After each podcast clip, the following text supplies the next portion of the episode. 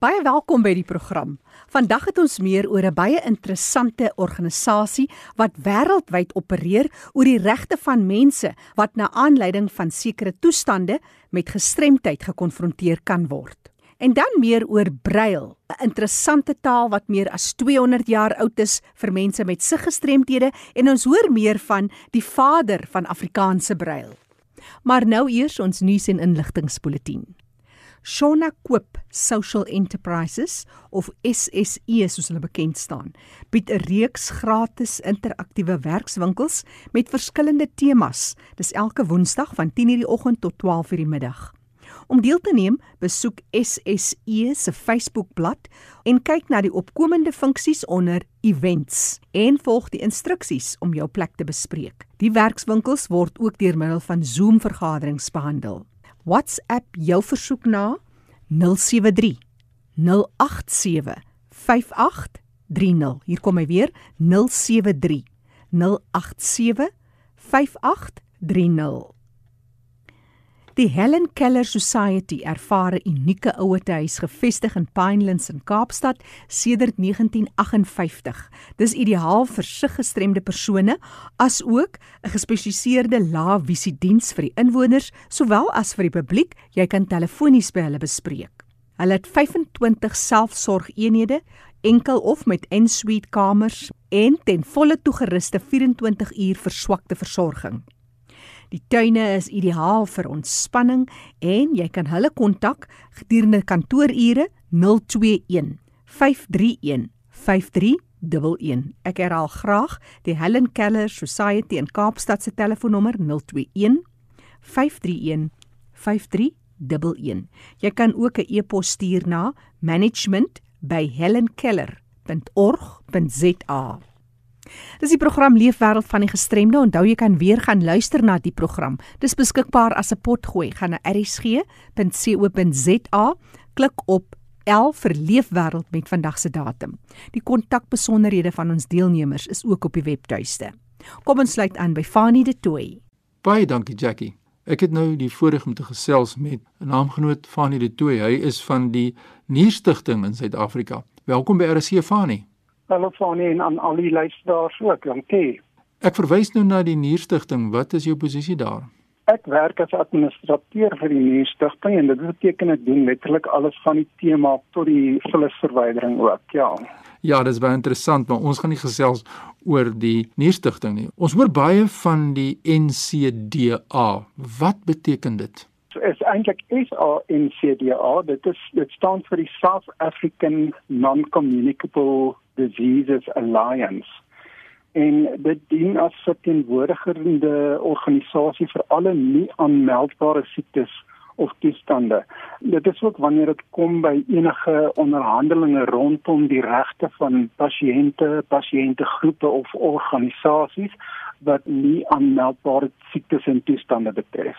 Daar is 'n internasionale organisasie wat met die NCD Alliance is waaruit die plaaslike organisasie voortgevloei het en uh, wat die werk van die plaaslike organisasie ondersteun. Die internasionale beweging is so 11 jaar terug gestig deur die samewerking van die groot groepe naamlik diabetes, die hart en beroerte stigting en die kankervereniging en dan sedertdien het die aantal lede aansienlik uitgebrei en sluit nou meeste van die aanmeldbare siektestoestande waaronder natuurlik ook gestremdheid sluit dit in. En dit is veral belangrik in hierdie tyd waarin ons met COVID moet saamleef, aangesien die pandemie baie erger gevolge inhou vir mense wat juis dan nie aanmeldbare siektes het. Dit is baie interessant ek bly jy noem die gestremdheidskomponent want terwyl van ons luisteraars wetgewings baie duidelik dat siektetoestande nie 'n gestremdheid is nie, maar dit kan lei tot 'n gestremdheid en daar is vyf verskillende forme van gestremdheid wat aanleiding kan gee daartoe. So dit is baie lekker om jou te gesels van hierdie toe en kom ons kyk 'n bietjie na die werksamehede waarmee is die SANCDA dan besig tans ons verstand besig om te veg vir die regte van mense soos dit ons genoem het en uh, dit kom veral ter sprake by die beplanning en strategiese beplanning van uh, die regering wat nou al 'n klomp jare aan die gang is en ons kyk hier na die planne wat spesifiek gemaak word vir tot en met 2030 die strategiese beplanning. Die planne is geskoei op die riglyne van die Wêreldgesondheidsorganisasie en is spesifiek daar gestel om nie aanmeldbare siektes omdat dit 'n groeiende oorsaak is van sterftegevalle in die wêreld. Die Wêreldgesondheidsorganisasie internasionaal het natuurlik die fokus verskuif van HIV na nie aanmeldbare siektes. Wat beteken dit daar so verskywing plaasgevind het? Wel, die fokus was tradisioneel of of voorheen op HIV en Suid-Afrika is natuurlik een van die lande waar HIV nog steeds een van die grootste probleme is. Maar die feit is dat HIV behandel kan word en grootendeels in Suid-Afrika word dit wel behandel. Die ander kant van die muntstuk is egter dat nie aanmeldbare siektes meer sterftegevalle het as HIV. Byvoorbeeld die hoogste sterftesyfer onder vroue kom natuurlik voor as gevolg van diabetes. Dis nie teenstaande as die hulpbronne en die fiskale toewysings steeds nie in lyn met hierdie feite nie en skiet nogal ver te kort wanneer dit kom by nie aanmeldbare siektes. Dit is dan juist ook hoekom die Santa groepering besig is om te eis dat daar in die strategiese beplanning van die regering gelyke status aan die aanmeldbare siektes gegee word. Ons vra gelyke status met die HIV groeperings. Wat was dan in die verlede die probleem want ek sien dit so deel van die hele breë proses van verteenwoordiging en die regte wat beskerm moet word en soos ons nou gesê dit lei tot forme van gestremdheid. Wat was die probleem?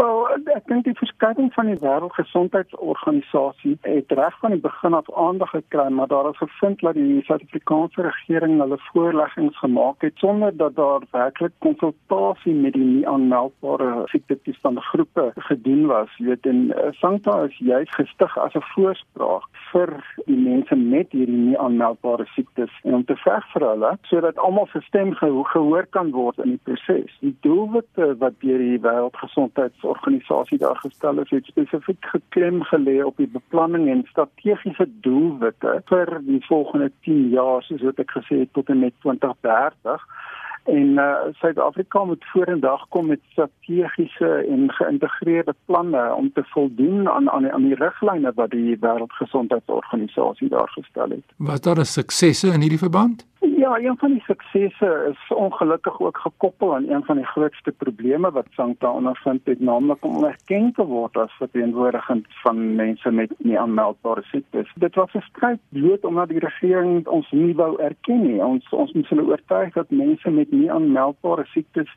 nie bloot onder dieselfde kam geskeer kan word as byvoorbeeld mense met HIV nie geskiedkundig was die HIV groepering die gesig van pasiënte verteenwoordiging en ons, ons moes baklei om ons eie plekkie daar te kan uitkrap as Sankta wat spesifiek gerig is op die nie aanmeldbare siektes maar dit is dan ook baie te danke aan die volgehoue druk van een persoon naamlik Dr. Vicky Pinkney Atkinson dat Sankta dan nou wel erken word as organisasie vir mense met nie aanmeldbare siektes. Na die erkenning was die groot probleem wat Sankto ondervind het dat die regering die strategiese planne wou deurvoer sonder konsultasie en dit het ek ook nou al genoem maar gelukkig is dan bewus van die situasie en uh, ons het daadwerklik ingegryp om die regering te dwing om na die mense wat verteenwoordig word te luister en ons was suksesvol om die strategiese plan volledig te hersien eerder as om net 'n uitgediende weergawe van die vorige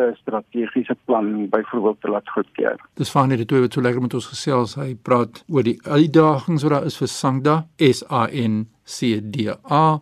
Fanny, ek het in verlede week se program met gesels met Marina Clark, die voorsitter van die Suid-Afrikaanse Alliansie vir Gestremdheid. Nou kom ons praat dan en kyk nou 'n bietjie na gestremdheid as sulks. Gee ons 'n bietjie kykie rondom die gestremdheidskomponent. Ons het net nou so lig daaraan geraak. Ja ek dink dit is juist baie belangrik om te kyk na die definisie van gestremdheid en hoe dit invul by die definisie van nie aanmeldbare siektes. Gestremdheid uh, kan beskou word as 'n toestand of omstandighede wat 'n persoon verhinder om iets te doen, soos byvoorbeeld om te werk en uh, 'n voorbeeld van 'n persoon wat mobiliteitsprobleme ondervind, maar ook die persoon wat byvoorbeeld met nierversaking 3 maal per week dialyse moet ondergaan en dis nie voltyds kan werk nie. Dit is almal mense wat ingesluit word by daardie definisie. Die erkenning van persone met nie aanmeldbare siektes is 'n groot stap om die regte van persone dan ook op gelyke vlak te plaas siektes soos HIV, malaria en tering is bevoordeel omdat meeste van die begrotings op hierdie toestande dan juis gespandeer was. Maar met gelyke erkenning van die nie aanmeldbare siektes beteken dit dat die begroting hersien sal moet word om te verseker dat daar ook 'n regmatige deel van die beskikbare hulpbronne aan die nie aanmeldbare siektes toegestaan word. Op hierdie stadium is dit nog nie ten volle deurgevoer na alle vlakke van die regering nie, maar ons is op die punt waar daar 'n positiewe swaakpunt is ten ten gunste van die nie aanmeldbare siektes.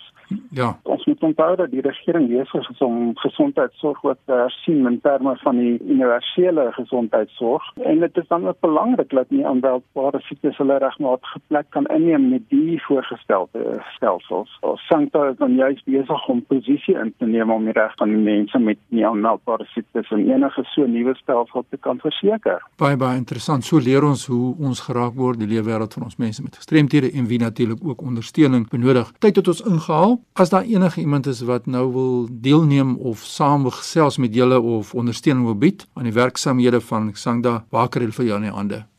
Ons het teenwoordig omtrent 75 organisasies en daar kankerverwante organisasies, geestesgesondheids- en gestremdheidsorganisasies, maar enige iemand wat meer inligting wil hê, is welkom om ons webwerf te besoek en dit is natuurlik by www S A N C D A .org.za. Dit is die mening en kontak besonderhede van Fanie de Tooi, naamgenoot en ons hou dit dop. Geef vir ons inligting soos wat die jaar aangaan oor hierdie saak want ons wil ook van ons kant af vir julle die ondersteuning bied wat julle benodig. Groetens van ons kant Fanie baie baie dankie vir die geleentheid en sterkte vir julle ook daarso. Ja, Jackie, so leer ons deur te luister na mense wat in verskillende wyse geraak word deur die impak van gestremdheid. Indien jy e-pos wil stuur aan my, my e-pos is fani.dt by mweb.co.za. Groetens uit Kaapstad. Baie dankie aan kollega Fani de Tooi daar in die mooie Kaap.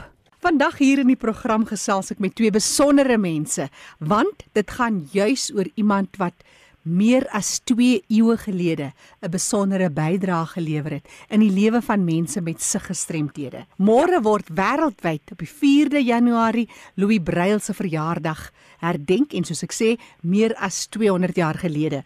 Ek gesels met Heila De Beer. Heila, jy is 'n blinde persoon en Braille, dit is vir jou 'n belangrike kruk in jou lewe. Vertel ons meer hoe Braille jou lewe verander. Ek was in 'n uh, gewone skool tot standaard 3 want ek is in Springs gebore en my ouers het gevoel Woester is dan baie ver. So ek het eers in die helfte van standaard 3 as ek Woester toe en toe het ek brail geleer. Ek dink nie ek het eers die woord brail geken of enigstens geweet van hierdie knoppieskrif nie. Mhm. Die eerste keer toe ek dit voel, het dit vir my so skuurpapier gevoel. Maar binne 'n paar dae kon ek uh, begin om die alfabet te lees en Braille is so 'n wonderlike medium waarmee 'n mens met jouself kan kommunikeer. En ek kon binne 6 maande Afrikaans en Engelse Braille leer en in standaard 4 het ek um al my werk net met Braille gedoen wat my sig was uit die staanspoor baie swak. Braille is tog besig om 'n bietjie uit te sterf na aanleiding van tegnologie, maar daar sal altyd 'n plek wees vir Braille, né, Heila? Ek dink so. Veral van van mense het dit nodig om telefoonnommers af te skryf, 'n mense verjaarsdaglysie by te hou en ehm um, ek lees baie graag uh, braille tydskrifte want dan kan ek buite gaan sit met my ehm um, braille tydskrif. Ehm um, boeke is nou vir my 'n probleem want ek is in 'n aftreeoord en dit is net nie plek nie. Mm. Want braille is 'n bietjie ehm um, ek weet nie wat 'n goeie Afrikaans woord nie, maar dit is 'n bietjie bulky. Dis ja, dis 'n dik boek, né? Nee? Dis 'n dik boek. Dis dis dik. Maar ek het 'n paar van die Bybeldele wat vir my uh, baie belangrik is, het ek in brail gehou en weer vir my laat druk, byvoorbeeld Spreuke en Johannes en 'n uh, partykeer interessante stories wat nie beskikbaar ja. is op op klank nie. Ek maak baie gebruik van brail vir my aantekeninge en deesdae vir ouens se bankbesonderhede want ek het nou geleer om internetbank sake te doen. Toe het my my lewe eintlik so verryk geraak dat ek kon universiteit toe gaan en braille baie gebruik veral toe ek 'n kursus by Wits gedoen het want hulle was een van die eerste universiteite wat 'n eenheid vir gestremdes gehad het en ek kon ontrent al my aantekeninge in braille kry. Mm. Maar vandag gaan dit spesifiek oor hierdie besondere man en ook as 'n mens dit nou so kan stel, die vader van Afrikaanse braille in Suid-Afrika. Nou nou meer oor hom, maar vertel ons eers oor Louis Braille en hierdie intelligente persoon wat dit eintlik eers gedoen het met musiek. Ja, dit is reg. Louis Braille is um, op 4 Januarie um, 1809 gebore en hy het op 'n baie jong ouderdom omtrent 15 jaar het hy begin met Braille, maar hy wou graag Braille musiek oorskryf. En dit is hoekom hy Braille ontwikkel het en die taal het agterna gekom hy moes 'n besondere mens gewees het want want hy was absoluut geniaal. Hy is ongelukkig baie jonk dood um as gevolg van TB. En dit was juis iemand soos Dr Victor Hugo Won wat vir sig gestremdes 'n wêreld oopgemaak het want hy het Afrikaanse brail soveel meer ontwikkel hier in Suid-Afrika. Vertel ons meer oor hom. Wel hy hy is eintlik die vader van Afrikaanse brail hoewel daar die uh, 63 uh, verskillende kombinasies is, het elke taal sy eie stelsel en hy het die Afrikaanse brail ontwikkel. Dit was natuurlik 'n wêreld oopgemaak vir Afrikaans.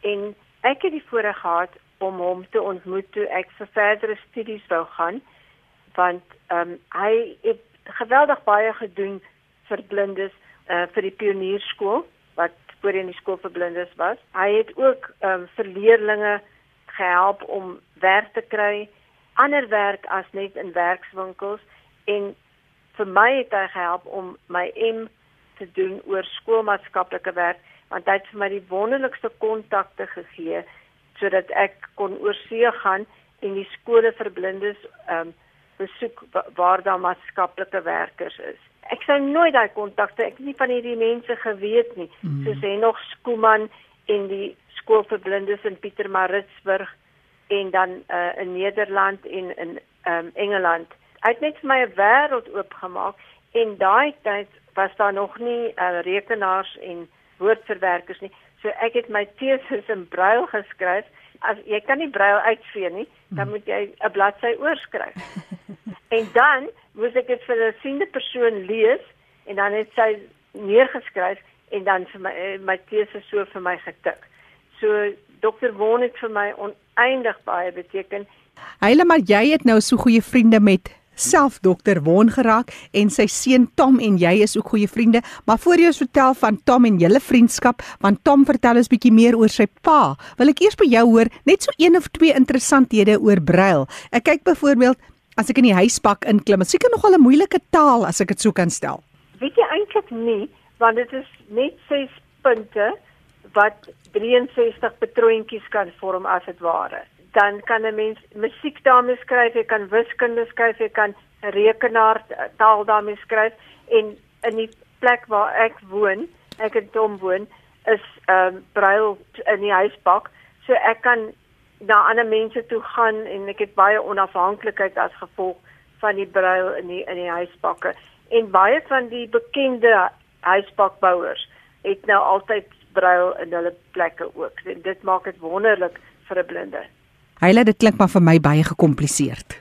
Dit is nie so gekompliseerd nie want uh, veral as mense dit leer as jy 'n kind is. Ja, ja. As jy ouer word, is mense vingers nie meer so gevoelig nie en dis baie vreemd maar vir 'n uh, vir 'n kind is dit uh, leer mense dit eintlik relatief maklik aan.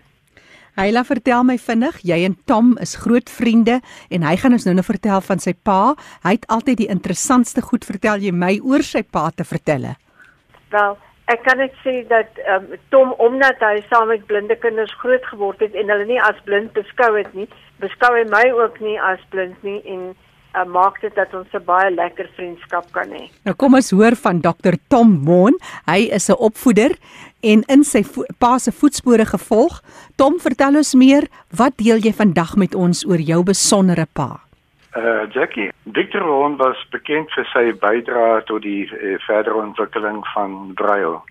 Maar ek wil graag die geleentheid gebruik om uh, iets meer oor sy lewe te vertel. Mm.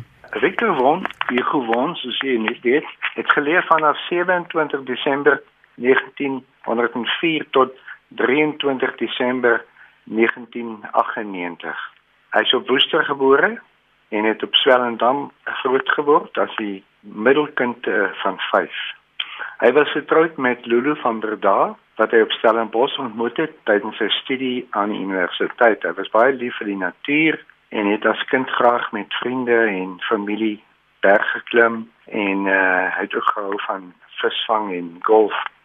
Ek noem hierdie goed want uh, mense ken hom vir sy werk in verband met brui maar weet nie veel van hom verder nie. En dis ook hoekom ek graag van hom wil hoor omdat hy so ja. groot bydrae gelewer het. Ja. Nou hy het 'n groot belangstelling in tale en letterkunde gehad. Hy het uh, MER goed geken en hy het ook graag die werke van NP van Wyk Lou gelees.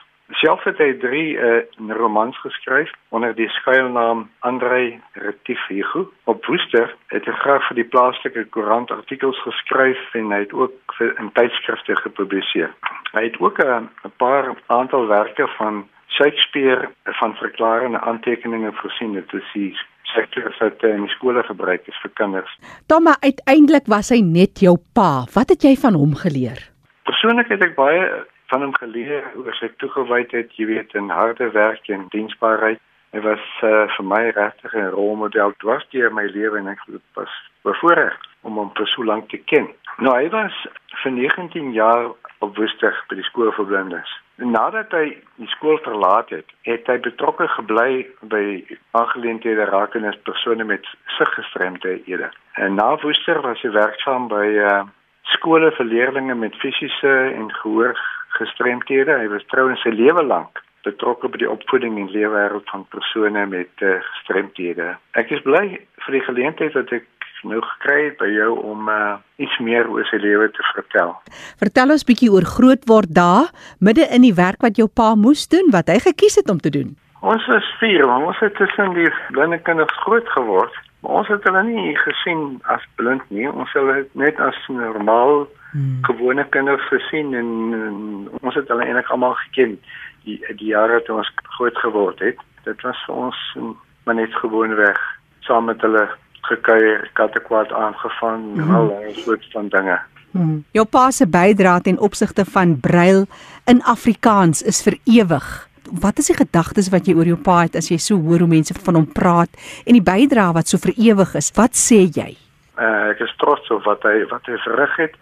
Hy het 'n positiewe verskil gemaak in die lewe van baie mense oor baie lang periode. Mense wat ek ontmoet, oud leerlinge gesels vraak met my oor hom wat hom kan onthou. Mm. Vertel van staaltjies en so aan. Wel ek het self ook belang gestel in mense met gestremdhede, maar uh, dit was nou nie 'n uh, eh, blinde kinders nie. Ek was by skool betrokke vir epileptiese en ek was ook by Transvaal Transvaal skool vir dowes op betrokke. Nou skool gehou sy voorbeeld het ek nagevolg. Ja, so sy voorbeeld het jou bygebly ook in jou besluite van wat jy die, met jou lewe wou doen. Ja, ek sou so ek sou so sê ja. Dokter Tom Won, hy wat vandag van ons gesels het en net so bietjie meer vertel het oor Dokter Victor Hugo Won, die vader van Afrikaanse brail in Suid-Afrika. Dis hoe hy beskryf word. Hy het ja. gesterf op die rype ouderdom van 94 jaar in 1998. Dankie Tom dat jy vandag met ons gedeel het oor jou besondere pa en die werk wat hy gedoen het spesifiek vir mense met se gestremthede. Baie dankie Jackie vir die geleentheid. Ek waardeer dit opreg. Onthou die program Leefwêreld van die Gestremde is beskikbaar as 'n potgooi. Jy kan weer daarna gaan luister. Gaan na erisg.co.za, klik op potgooi en soek onder L vir Leefwêreld met vandag se datum. Die program Leefwêreld van die Gestremde staan onder leiding van Fanie De Tooy en Jackie January.